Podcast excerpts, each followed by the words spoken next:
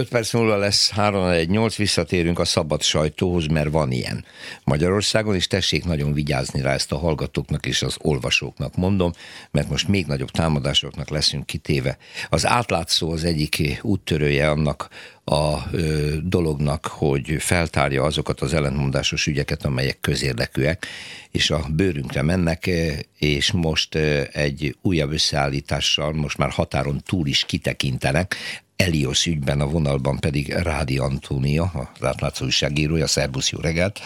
Szerbusz Péter, köszönöm szépen a szavaidat, és jó reggelt kívánunk a hallgatóknak. Szóval, miután rutinos rádiós vagy, hiszen nálunk a hetes stúdióban sokszor szerepelsz, össze tudnád röviden a hallgatónak foglalni, hogy a Elios hogyan terjeszkedik a Balkánon, és hogyan függ össze ezt magával Tiborccal, meg az előző magyarországi Elios közbeszerzésekkel?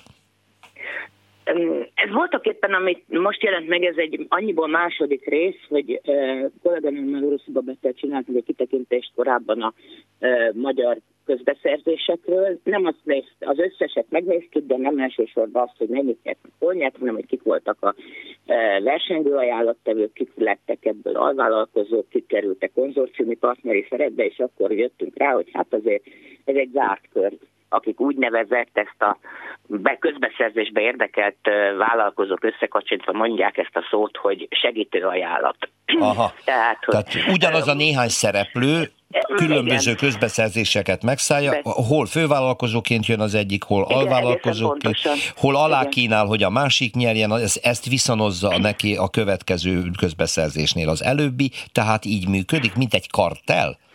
Én egészen pontosan erre jutottunk, óvatosabban is ér fogalmazni, mert hát itt a szándékosságot, ezt a gondolatot, hogy összebeszéltek ezt, ezt a nem ördögtől való ilyet feltételezni, de bizonyítani nyilván nem tudjuk, ezért azt lehet mondani, hogy legalábbis különös egybeesések. Még különösebb egybeeséseket találtunk akkor, amikor megnéztük, hogy a, az Elios hogy terjeszkedik. Nyugat-Balkánt mondok, mert elsősorban Szerbiáról van szó, de Boszniának a szerb köztársaságában is van egy hír, hogy, hogy ott is indulnak közbeszerzéseken ha azt mondom, hogy Elios, akkor azt mondom, amit a vajdaságban mondanak. Egyébként nem csak magyar lakta, hanem, és nem csak vajdaság, hanem, hanem teljesen szerb területekről is beszélünk, több cégről van szó. Gyakorlatilag vala az egyik cégnek a végén kezdetben ott volt a Magyar Elios, tehát a volt Tibor, Tibor cég, ami most Tibor István barátjáé már pár éve, aztán kiszállt. A nevet viszont megtartották, tehát Elios néven fut, viszont, hogy összeér a, ezzel a magyarországi úgymond segítő ajánlattevőkkel, azonnal látni, hogy két ilyen segítő ajánlattevőben ö, felelhető tulajdonos is aktív szerepet vállal, az egyik aktívat, a másik még aktívabbat a szerbiai cégcsoportba, tulajdonosként, menedzserként, mikor, hogy. Közbeszerzéseken indulnak, de mivel Szerbia nem uniós tagállam, ugye, tehát itt nem az uniós pénz a fő csapás, hanem az úgynevezett PPP konstrukció, ami szintén Magyarországon már régebbi, Szerbiában nem annyira régi dolog, amikor úgy együtt működik, közösen dolgozik a magán, magántőke és a, a, a közpénz, a szerbiai adának az adataihoz lehetett a legjobban hozzáférni, segített ebben vajdasági kollégám is, és egy, együtt ezt földolgoztuk. Kiderült, hogy ottani ellenzéki politikusok a, annak a településnek szintén keveslik az adatot, amihez hozzá lehet jutni. Közérdekű adatot igényelnek erre, Szerbiával is van törvény, hogy ezt lehet. És hát, hogy a, a lakosságnak úgy szintén vannak hasonló problémái, mint a magyarországi lakóknak azokon a településeken, ahol az Elios intézte a közvilágítást, jelesül az, hogy hát konkrétan röviden fogalmazva sötétebb, amit volt. Igen, tehát ugyanazok a gyengébb teljesítményű világító tesztek vannak, és... Ez így bonyolult, hogy gyengébb, mert, mert egy tű, egy pontra, egy vödörnyi pontra erősebben világít, viszont ezen a vödörnyi pont felületen túl meg sötét van, ami uh-huh. gyakorlatilag még rosszabb, mint hogyha, mintha gyengébb lenne, mert hiszen egy vödörbe bemegyek sötétbe, akkor megvakulok, utána nehéz kimenni a igen, tehát nehéz visszamenni a sötétbe. Igen, tehát ezért hatása... az autósok például nagyon későn észlelik az átmenő gyalogost, mert csak akkor látják, amikor beér abba a pici térbe, ahol erős a világítás. Igen, de ez mögött az lehet, hogy ugyanaz a beszállító, nem? Tehát aki abban érdekelt, hogy ezeket a világító testeket ezeket, értékesítse. Ezeket el, el, el, de egyébként nagyon könnyen lehet, hogy ezeket be lehetne jól is állítani. Tehát ja.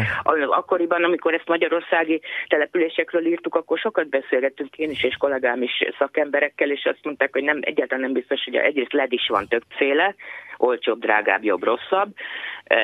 Ezt az is tudja, akinek LED lámpája van akár otthon a lakásba, másrészt, tehát hogy elképzelhető, hogy egy jobb fajtából jobb lenne, de az is elképzelhető, hogy, hogy szimplán rosszul van beállítva. Tehát, hogy nincs ezzel foglalkozva. A meghibásodások, mert mind Magyarországon, mind Szerbiában panaszkodnak arra is, hogy nem tudom, van 200 lámpa, ami így világít, és nagyon, ehhez képest föltűnően sok elromlik.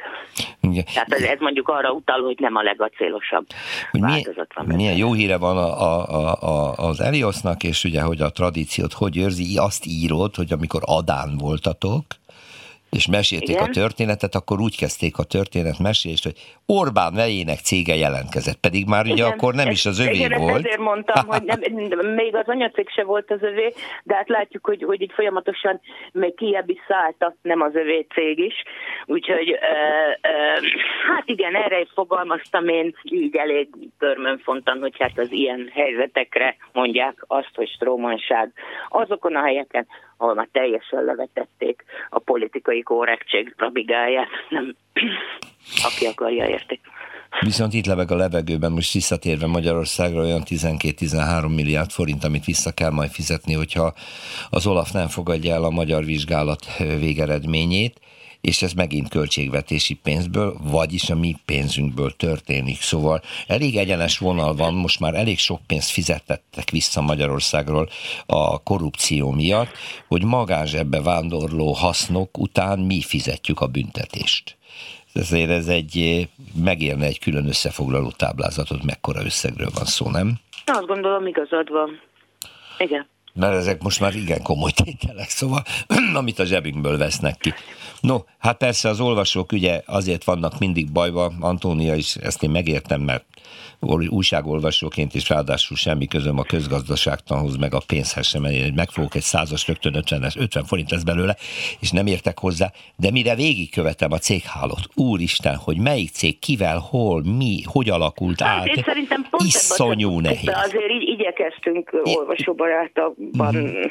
írni, amennyire ez emberileg lehetséges, úgyhogy pontos is maradjon szakmailag is, meg bíróság előtti megtámadhatatlanság miatt is, de, de hát azért úgy riportosan van elmagyarázva, meg rajzolva van hozzá egy ábra, hogy nem, ez most nem a te írásodra vonatkozik, ez most nem, egészen letisztult. Én ezt, én ezt, hogy mondjam, évek óta ezen mindenki gondolkodik, aki hasonló cikkeket ír, hogy hogy, hogy lehet az ember egyszerre, egyszerre pontos, támadhatatlan, és, és el tudja úgy magyarázni, hogy közérthető legyen. Hát igyekszünk rajta vagyunk, ezt tudom tenni, és ez, ez nem csak a magam nevében, hanem mindenki nevében mondom.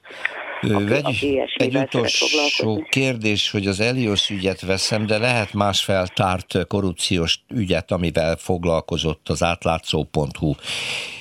Az érintettek köreiből, akár direktbe, akár informálisan nem kerestek meg benneteket soha? Érintettem, mit, mit értünk azt, hogy Akik maga, érintettek a, a, a korrupciós hálózatban, cégek tulajdonosai. Azt kell, hogy mondjam, hogy, hogy nekem mindig azt szoktam mondani, hogy a legnagyobb dicsőség az az, hogyha valakiről megalapozottan olyat írsz, amit amúgy nem szeretne édesanyjai imádságos könyvébe látni, és ezek után mégis hozzád fordul információval. Az a legnagyobb dicsőség egy újságírónak, mert azt jelzi, hogy igazat írsz, állhatatos vagy, és, és sportszerű. És, és azt kell, hogy mondjam, hogy ebből a cég tömegből volt, volt, volt olyan, amelyik megkeresett és mesélt még olyat, ami nekem hasznos volt, például ebbe a szercikbe. De hát, hogy saját helyzetét is szerette volna jobban látni és tisztázni.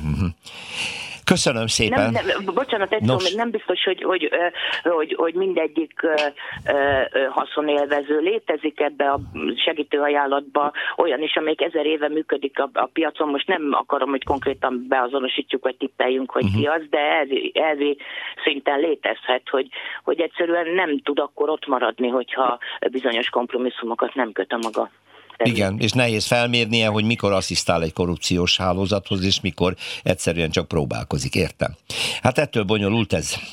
Igen. Nagyon köszönjük, szervusz és további Én sikereket. az érdeklődést. Minden jót, Szia. szervusz. Szia. Rádi Antóniát, az átlátszó újságíróját hallottuk.